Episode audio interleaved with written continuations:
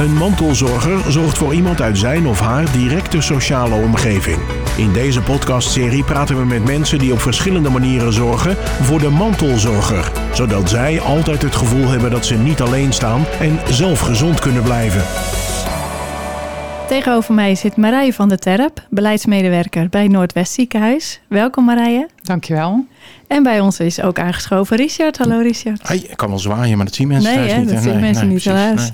nee. Marije, jij bent beleidsmedewerker bij het Noordwest Ziekenhuis. Dat klopt. Wat doe je dan als beleidsmedewerker? Ehm, ik hou me vooral bezig met eh, ouderen. En ehm, eh, waar ik me vooral op richt is eh, de zorg voor ouderen. Om te kijken eh, hoe we dat nog beter kunnen inregelen. Dus En- zowel de beleidskant als kwaliteitskant. Dus ook de indicatoren. Ehm, kijken of, of alles goed loopt en waar de processen verbeterd kunnen worden. En, en waarom specifiek ouderenzorg? Nou ja, omdat de ouderenzorg natuurlijk gewoon steeds meer eh, nodig is. Ja. Het aantal ouderen stijgt. En ouderen hebben ook een iets andere benadering nodig dan eh, jongere mensen. In, in welke zin?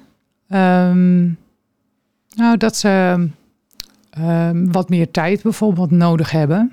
Ehm, dat ze ehm, anders reageren op de zorg. Ze hebben ook vaak meer zorg nodig, hè, complexere zorg. En dat alles maakt dat, ze, ja, dat je daar gewoon toch op een andere manier naar moet kijken. Ja. En, en, en wat voor maatregelen hebben jullie dan in het ziekenhuis voor, eh, voor deze groep? Nou ja, een van de, van de ehm, punten die we inzetten is de transmurale zorgbrug. En die hebben we ook opgesteld, eh, juist voor de... Sorry, nog een keer, zei je? Ja. Hoeveel, hoeveel, eh, hoeveel, hoeveel krijg ik daarvoor? Ja, dat is een heel mooi woordfeut. eh, Ja, woord. Ja. De transmurale zorgbrug. Ik vind hem echt top. Ja, Maar wat is het? de, dat is een. Nou ja, het, aan de ene kant zegt het woord het al. Hè, het is een, een brug tussen het ziekenhuis en huis.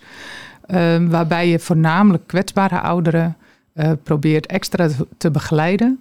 in de overgang van het ziekenhuis naar de thuissituatie. Omdat blijkt dat dat juist een risicomoment is voor ouderen. En voor kwetsbare ouderen met name. Omdat ze vanuit een volledig verzorgde omgeving als het ziekenhuis terug moeten naar een omgeving waarbij die verzorging op een andere manier georganiseerd is. Ja, onder andere. Ja, en het is ook zo dat ehm, wat, je, wat je probeert te voorkomen bij eh, voornamelijk kwetsbare ouderen, is dat ze gewoon verlies van zelfstandigheid krijgen. Dus je wilt eh, juist inzetten eh, op die overgang, zodat je ook kunt controleren of alle zorg die je inzet thuis ook daadwerkelijk bijdraagt aan de behoeften die ze nodig hebben. En daarmee wil je ook voorkomen dat ze bijvoorbeeld weer heropgenomen worden, omdat het thuis dan toch niet gaat. Ja. En, en wat voor maatregelen voor thuis wordt, kijken jullie dan naar? Ehm, nou ja, we, gaan, we hebben sowieso dan eh, contact met ehm, de Inkt Ouderenzorg. Ik weet niet of jullie die kennen. Dat Nee. is een, eh, een, ehm, het ouderenzorgprogramma van de huisartsorganisaties. Oké. En dan komt de verpleegkundige ouderenzorg, die komt bij de eh, patiënten thuis na ontslag. Om dan ook te kijken of alle zorg die er geregeld is, de juiste zorg is. Of de patiënt eh, ehm, de medicatie eh, klopt.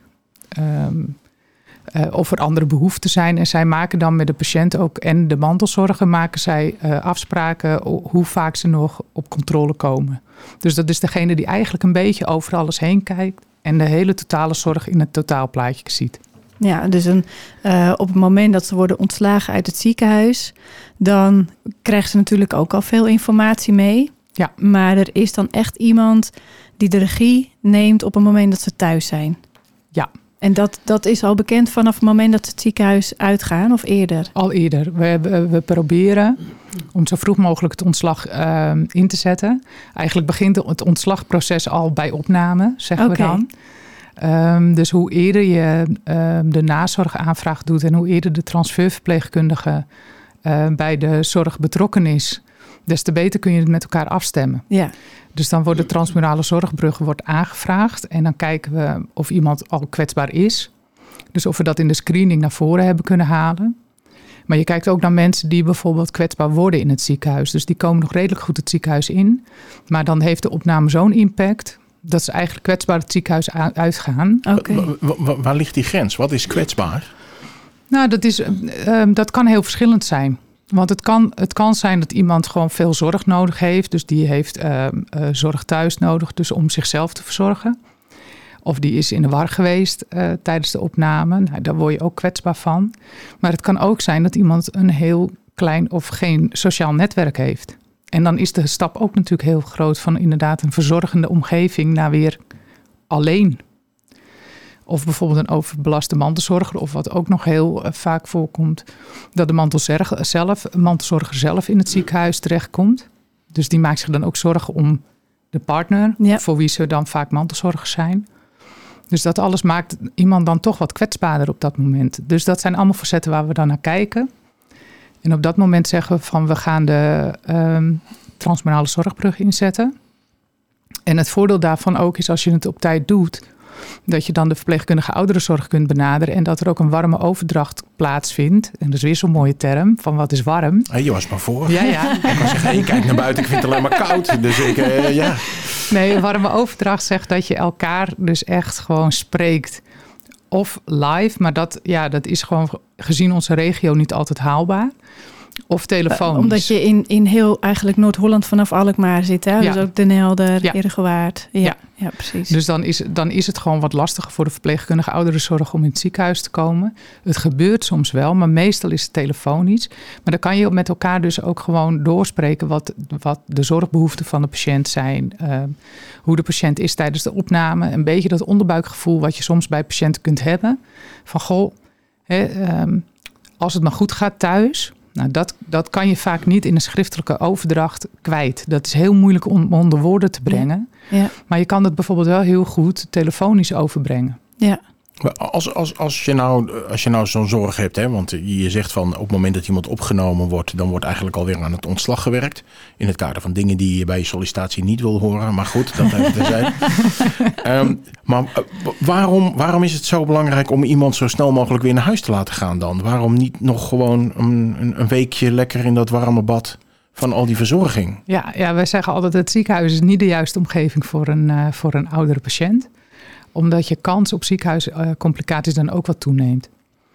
Iemand gedijt eigenlijk het beste in zijn eigen omgeving. Mm. En um, wat je dan moet doen is de zorg rondom die eigen omgeving goed neerzetten. Ja. Dus wat je eigenlijk, wat je eigenlijk zegt is dat het, het ziekenhuis is er echt voor de specialistische zorg. Ja. En de nazorg gebeurt thuis om die patiënt maar zo, zo goed mogelijk te laten herstellen. Ja. Ja. ja. En is dit nieuw, zo'n transmurale zorgbrug? Nee, het is niet nieuw. We doen het al nou, anderhalf jaar, denk ik. Dat vind ik uh, nog vrij nieuw. Ja, ja. nou ja, ik ben er al wat langer mee bezig. Dus ja. voor mij is het in ieder geval niet nieuw. Ja. Um, en het komt uit Amsterdam. Okay. En um, uh, professor Bianca Buurman heeft het opgezet. Samen met Sophie van Rooyen. En um, vanuit Amsterdam hebben, heb ik het samen met uh, dan de coördinator ouderenzorg van de Inkt Ouderenzorg hebben we het omgebogen, laten we zeggen, naar onze regio. Om het hier um, voor Noordwest en dan de, de omgeving van Noordwest en de huisartsen uh, binnen die regio goed te organiseren. En kon dat één op één hier in deze regio? Of, of zitten er toch wel grote verschillen met de hoofdstad? Nou, er zitten wel wat verschillen. En we hebben ook uh, met name ook gekeken naar um, wat praktisch haalbaar ook is. Um, ook uh, in de route in het ziekenhuis. Dus uh, uh, van wie hebben we nu echt nodig? En ik denk dat wij hem ook iets laagdrempeliger inzetten. Dus dat we ook inderdaad kijken naar iemand die bijvoorbeeld zelf nog niet heel erg kwetsbaar screent zelf. Dus uh, in, die in die afhankelijkheid van zorg voor anderen. Maar bijvoorbeeld wel een heel klein netwerk heeft. Nou, daarvan vinden wij ook al dat we die mensen moeten ondersteunen. Dus of jullie... dat juist dat netwerk moeten ondersteunen. Ja. Dus jullie zetten hem eigenlijk breder in, in, in dat opzicht dan, uh, dan Amsterdam. Ja, dat denk ik wel. Ja. Want jij Althans, die... dat is wel de bedoeling. Ja, precies. Ja. Want jij hebt hier zelf ook onderzoek naar gedaan, heb ik dat goed begrepen? Ja, ik heb uh, uh, gekeken uh, voor een opleiding naar ehm, het effect van de, van de transmurale interventies, mm. zoals we dat heel mooi zeggen. Mm. Dus eigenlijk de transmurale zorgbrug op het aantal heropnames. Omdat je daarmee dus ook kunt kijken van, ja, Um, hebben we effect? Want het is natuurlijk heel mooi dat je iets in wil zetten, maar het moet uiteindelijk natuurlijk ook wel een effect hebben. Want als het geen effect heeft, dan zet je iets in wat heel veel, misschien heel veel effort kost, maar uiteindelijk niets bijdraagt. En dan nee. moet je kijken naar andere, andere oplossingen. En ehm, nou ja, we hebben, ik heb dat effect niet helemaal, eh, zoals ze dat heel mooi zeggen, statistisch aan kunnen tonen. Nee. Daar was het onderzoek ook iets te klein voor, maar we hebben wel duidelijk verschil gezien. Ja. Dus in de controlegroep die zonder transmurale zorgbrug naar huis zijn gegaan en in de, de eh, groep die wel met transmurale zorgbrug naar huis zijn gegaan. Dus dat was natuurlijk wel op zich heel mooi om aan te tonen. Dus die mensen die wel met de transmurale zorgbrug te maken hebben gehad, die kwamen minder terug naar het ziekenhuis voor, voor andere complicaties misschien of, of operaties Ja. dan de mensen die dat niet hebben gehad, die transmurale zorgbrug. Nou, die werden minder eh, in de groep die dus met transmurale zorgbrug naar huis zijn gegaan. Daar waren minder heropnames Ja.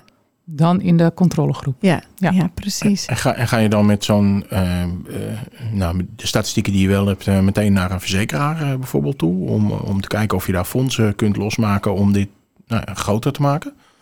Eh, nee, nou, dat hebben we eigenlijk niet eens gedaan. Mooie tip. Oh, oh, sorry. Nou, ik heb nog wel een tip voor je. Eh, nee, we hebben wel, kijk, we hebben, wat we wel hebben gedaan is dat we het eh, in de Transmurale Commissie hebben gepresenteerd. En daarin ook aangegeven van wij geven gewoon de aanbeveling om het door te laten gaan. Want we hebben de pilot hebben we onderzocht. Ehm, en daar is uitgerold dat we het gewoon structureel gaan inzetten. Dus, de, dus nu zijn we ehm, bezig om te kijken van wat kunnen we dan nog meer bieden binnen die transmurale zorgbrug. En ik weet dat, de, dat Inkt Ouderenzorg nu een, een, eh, een pilot doet om eh, de overgang van ehm, een, eh, een, een eh, verpleeg- verzorgingshuis naar huis. Hè, als mensen dus vanuit het ziekenhuis of eventueel vanuit huis naar een tijdelijke plek zijn opgenomen en dan weer naar huis gaan om dan ook de transmurale zorgbrug in te zetten. En, en wordt dan ook het ziekenhuis daar alsnog weer bij betrokken als ze vanuit het verpleeghuis weer terug naar huis gaan? Eh, nou, uiteindelijk wel. Ja, Ja, Dat maar is- dat is eerst in de pilot, dus dat is dan een beetje lastig vanuit het ziekenhuis. Want dan is het gewoon met bijvoorbeeld één verpleeghuis. Maar uiteindelijk wel, omdat wij dan ook misschien wel kunnen aanbevelen al van goh, wij zien al dat we dit willen inzetten. Er zit nog een tussenstap, maar denk eraan. ja En, zo moet je elkaar helpen, denk ik ook. en wat zou dan het voordeel zijn dat, dat het ziekenhuis daar dan alsnog bij betrokken is? Nou ja, dat je elkaar, denk ik, wijst op de zorg die er is. Dus dat, als, je, dat, dat je niet met alle twee het wiel gaat uitvinden, ja, bijvoorbeeld. Ja. Dus als wij al een bepaalde mate van kwetsbaarheid zien, dat je dat al over kan ehm, ehm, dragen aan dan die tijdelijke plek, Ja. waardoor, je Mhm. hem dus, waardoor zij er dus weer mee verder kunnen. Ja. En natuurlijk kan een situatie veranderen, maar dan heb je wel met elkaar ernaar gekeken. En ik denk dat dat ook het, het mooie is van de transmurale zorgbrug, dat je gewoon de zorg met elkaar doet. Ja, over alle lagen heen. Ja, dat uiteindelijk, uiteindelijk is ouderenzorg ketenzorg. Je kunt het niet alleen als organisatie. Je moet het echt met elkaar doen. Waarom, waarom ligt er zo'n druk nu op eh, zo lang mogelijk zelfstandig blijven? Want dat is voor heel veel mensen is dat fijn.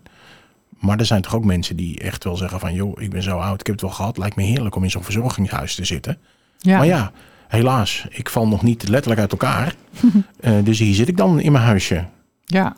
Ja, dat vind ik een hele lastige om te antwoorden. Ik weet wel dat het op basis van een eh, rapport is geweest... dat de regering heeft gezegd... oh, ouderen willen zo lang mogelijk thuis wonen. En daarop is gewoon de langdurige zorg aangepast.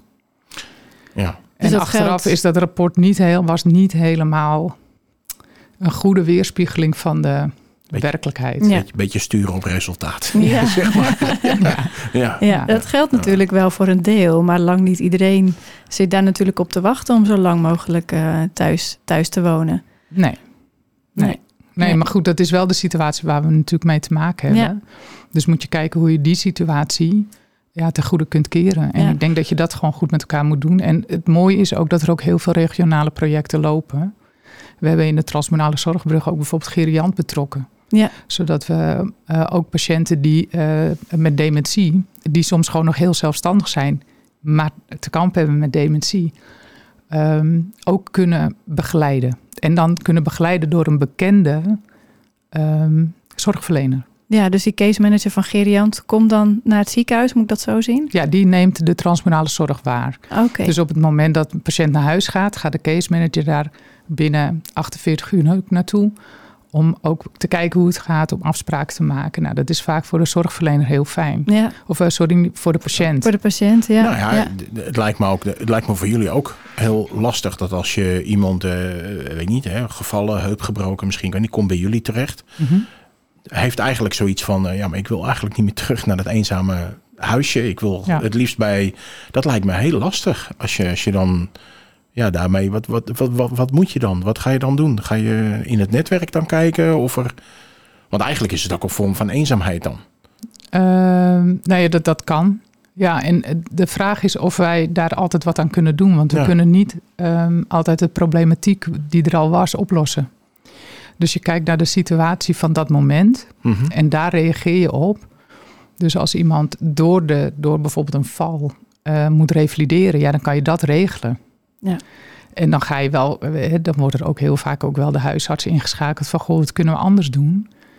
Maar dat is soms wel frustrerend dat je vanuit het ziekenhuis niet altijd kunt doen wat je zou willen. Omdat we gewoon, ja, daar hebben we ook gewoon de. de, de De middelen niet voor. Nee. Nee. Nou ja, je zegt dat is soms wel frustrerend, maar dat lijkt mij. eh, De mensen die in- de zorg werken zijn in de regel mensen die zich wel een beetje betrokken voelen bij de Ja. mensen, ja, zeg maar. ja, over het althans, dat ja. hoop ik wel, ja.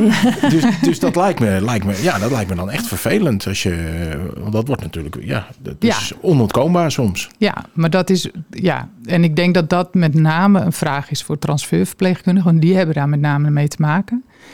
Ehm, wat we gewoon proberen te doen, is ook om de verwachtingen van, van de patiënt en de familie daarin ook zo, zo duidelijk mogelijk te maken. Van dit is wat we voor jullie kunnen doen. En Ja. wat we wel proberen nu, en daar zijn we ook ons steeds meer bewust van, om door te verwijzen naar instanties die ehm, ehm, de, de, de mantelzorger bijvoorbeeld beter, eh, beter kan helpen daarin. Want hebben wegen. jullie contact met mantelzorgcentrum daarvoor bijvoorbeeld? Of is dat nog een beetje per case? Of? Nou, dat is nu nog een beetje per case, maar we zijn er wel, eh, eh, we, willen dat wel gaan intensiveren. Ehm, wat we wel doen in ieder geval, is dat we in de folder ehm, eh, van, de, van de nazorg het mantelzorgcentrum ook al inderdaad benoemd hebben. En ook een, echt een kopje hebben gewijd aan mantelzorg. Dus ook de, de mantelzorg verwijst naar de huisarts. Of van, goh, ga praten. U kunt ondersteuning krijgen. U hoeft het echt niet alleen te doen. Nou, als er een vraag is, dan verwijzen we ze ook door. Dus, dus dat ligt er al. Ja, we moeten gewoon met elkaar kijken waar we gewoon nog beter kunnen samen gaan werken. Ja. En ik Ja. denk ook, eh, naast het mantelzorgcentrum heb je natuurlijk tal van, van organisaties in de regio Ja. die jullie kunnen inzetten op het moment dat het verder gaat dan de behandeling in het ziekenhuis. Ja.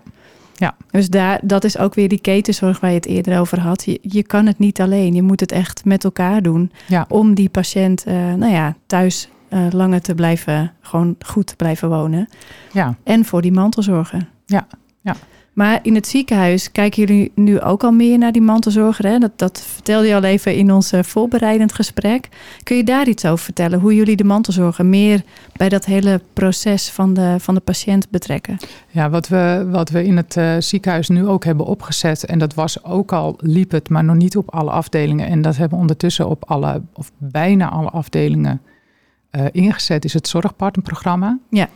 Ehm, waarbij de patiënt kunt, kan aangeven dat hij heel graag wil dat ehm, een, een zorgpartner, en dat kan eh, de mantelzorger zijn, maar dat kan ook de buurvrouw zijn en dat kan ook eh, een vriend, of hè, dat, dat, dat mag de patiënt zelf weten. Ehm, en die zorgpartner die is dan, die voert een aantal taak- taken uit. Nou, dat bespreek je met elkaar. Dus dat kan zijn dat, dat het een krantje lezen is, ehm, eh, begeleiding naar ehm, eh, hoe heet het? Onderzoeken. Ja, of fysio. Ja, Ja. fysio, een rondje lopen, dus eh, ondersteunen bij eten. Dus dat kan heel veel eh, dingen. Ja, dat kunnen gewoon verschillende punten zijn. Ehm, en, en daarmee dus heeft de patiënt een, een prettigere omgeving. Dus een fijnere herstelomgeving. Maar je kunt dus ook dan vaak, want vaak is het toch een mantelzorger. Die kan je betrekken bij de zorg. Ja. En op, Dus- wa- en op wat voor manier, wat voor manier want nou ja, een, een krantje lezen of een wandeling maken of gaan meegaan naar de fysio, dat is natuurlijk eh, wat er na behandeling in het ziekenhuis gebeurt. Maar de mantelzorger heeft natuurlijk ook een heel traject in het ziekenhuis naast degene voor, voor wie hij of zij zorgt. Mhm. Hoe betrekken jullie hem daarbij eh, in, in dat proces? Ehm, hoe bedoel je? Nou, ehm, eh, een mantelzorger komt daar natuurlijk iedere dag op bezoek. Hè? Mhm. En ehm, eh, die kende de patiënt ook het best. Dus hoe gaan jullie om met de kennis van die mantelzorger, die die mantelzorger heeft, om die patiënt zo goed mogelijk te behandelen? Of misschien nog helemaal niet, dat Ja. kan natuurlijk ook. Nou, wat we proberen wel is, en dat doen we dan met het mantelzorgcentrum, maar dat proberen we ook eh, met de, bij, bij ouderen noemen we dan eh, familieparticipatie. Maar goed, het komt redelijk bij elkaar overeen. Ja, Eh, om inderdaad ook gegevens van de mantelzorger, eh, of, althans over de patiënt te vragen bij de mantelzorger. ja, hoe is iemand thuis? Heeft iemand een dagritme? Ehm, hoe gaan we de nazorg inzetten? Wat is nodig? Hè? Hoe kijken jullie er tegenaan? Wat ze bijvoorbeeld op de afdeling geriatrie ook doen, is een mantelzorggesprek. Dus dan stellen ze ook echt de mantelzorger wat vragen. ja, Dat doen ze ook los van de patiënt, zodat de mantelzorger zelf eh, heel goed eh, ja, de vraag Het- kan beantwoorden Precies. zonder eigenlijk beïnvloed te worden Ja. door de patiënt. Want dat zien we toch ook wel eens dat de patiënt eigenlijk denkt van, nou ja, nou, gaat eigenlijk allemaal wel goed thuis. ja. En dat de mantelzorger denkt van, nou, ik weet het niet. Ja. Dus, eh, dus dan is het heel goed om de mantelzorger daarin gewoon apart te vragen. En dat, dat is sowieso met familieparticipatie en het zorgprogramma vragen we ook altijd of ze het aankunnen. Want het is natuurlijk wel belangrijk, want zij moeten nog door ja naar het ziekenhuis. Dus Ja. ze moeten wel de, de, de taken die zij zelf kunnen kiezen. En het hoeft ook niet alles te zijn, het mag ook één taak zijn. Maar ze moeten het wel kunnen uitvoeren Ja. zonder overbelast te raken daardoor. Ja. En wat krijgen jullie terug van die mantelzorger als die daarbij wordt betrokken? Kan je daar, eh, weet je daar ook iets van? Ja, vaak vinden ze het heel fijn. Ja, Ja. Ehm, wat je wel eens ziet in het ziekenhuis is dat mensen zich toch wat mach- machteloos voelen. Want ja, je kan niet zoveel. nee. En eh, op het moment dat je ze echt betrekt en ook een, een, een ja, samen taken afspreken, dan, ehm, dan is dat machteloze gevoel wat minder. Ja, ik kan me ook wel voorstellen. Hè? Want vooral als je al intensief hebt gezorgd gewoon thuis... en iemand belandt in het ziekenhuis... ja, dan houdt die intensieve zorg ook een beetje op. Dan, dan eh, heb je ineens zoiets van... Ja, maar en nu? en wie, Ja. en wie Ja. ben ik dan nog eh, in dit Ja. proces? Ja, maar Dat- de keuze moet wel altijd bij de mantelzorger liggen. Ja. Want het kan ook zijn dat de mantelzorger denkt, oh even bijkomen. Ja, kan natuurlijk ook. En ja. dat, daar moet je ook ruimte voor bieden. Ja. Ja. Nou, heel mooi. Ik, ik heb nog een vraag over, over het is even een zijsprongetje hoor. Ja. Maar kunnen we in het, hè, want jullie zijn in het ziekenhuis druk bezig met een, eh, met een eh, verherbouwing, zullen we maar zeggen. Ja. Ehm, eh, komen daar nog, in, in het nieuwe ziekenhuis, komen daar nog voorzieningen die hierop aansluiten, die er voorheen niet waren, of die helemaal aansluiten op de nieuwste inzichten? Of, Nou, we nemen wel, kijk, wat je probeert is je bouwt natuurlijk een ziekenhuis voor de toekomst. Dat je daar wel ehm, ook vanuit senior-friendly oogpunt naar kijkt. Want ehm, ja, we weten gewoon dat er natuurlijk nog, eh, hè, we zitten in de vergrijzing, maar die is nog lang niet afgelopen. Nee. Ehm, dus daar moet, je, daar moet je wel rekening mee houden. Ja, dus in, in, de, in de verdeling ook van de voorzieningen. En, want ik begrijp dat de, de looplijnen en zo allemaal overhoop gaan en eh, veel Ja. efficiënter worden. En jullie kunnen echt zes keer zoveel doen per dag. eh, ja, begrijp ik. ja, ja. Met één verpleegkundige kunnen we alles. ja, precies. Ja, dus, eh, En alles wordt digitaal. Ja, ook. ook eh, dus verpleegkundigen werken ook gewoon vanuit huis. Ja. Dat is eh, geen Ja. probleem. Nou, de, de- kijk, wel, ik denk dat we daar eh, eh, wel goed naar kijken. Ja, hoe dat precies eruit komt te zien, daar, daar hebben ik denk nog niemand heel, of althans, nou, ik in ieder geval niet, een, een, eh, een goed beeld van. Maar het is wel al natuurlijk heel goed dat er natuurlijk dat wel mee wordt genomen en dat daar ook echt eh, aandacht voor is, omdat dat ons natuurlijk ook gaat helpen. Nou ja, het is ook lastig natuurlijk, omdat terwijl je aan het bouwen bent, veranderen er alweer, Ja. alweer dingen. Dus Ja. je, je, je, je loopt eigenlijk altijd een stapje achter natuurlijk. Ja, de, Dat is- ja, niks aan. ja, de veranderingen gaan ontzettend eh, snel. Dus dan is het fijn. Ja, dan, dan moet je een vooruitziende blik hebben. Nou, ik heb, wel het, ik heb daar wel vertrouwen in. Ja. Oh, God. Dus je, je kan in ieder geval zeggen, als je kijkt naar de, de bevolkingssamenstelling, dat je je daarop kan richten. En wat je nu natuurlijk ook al doet met, met ouderenzorg, je weet dat er in de toekomst alleen maar meer bij komt. Ja. Dus dat je daar ook meer op kan richten. Ja, en ik denk dat het, dat je, weet je, ik, ik denk dat het niet eens in een gebouw zit. Ik denk dat het in processen zit. Ja. Met, met dus je partners. Ja. Daar ligt de winst. En die samenwerking opzoeken. Ja, Ja, ja. Nou ja, fijn. Fijn dat het, uh, dat het zo gaat. Ja. Dankjewel Marije. We zijn alweer aan het eind uh, gekomen van dit gesprek. Ja, nou, graag gedaan. Was leuk. Mooi. Wil je nou meer weten over dit onderwerp? Ga dan naar onze website. Bedankt voor het luisteren en tot de volgende keer. Dit was Mantelzorger. En nu een samenwerking tussen Streekstad Centraal en het Mantelzorgcentrum. Meer informatie over mantelzorg is te vinden op mantelzorgcentrum.nl.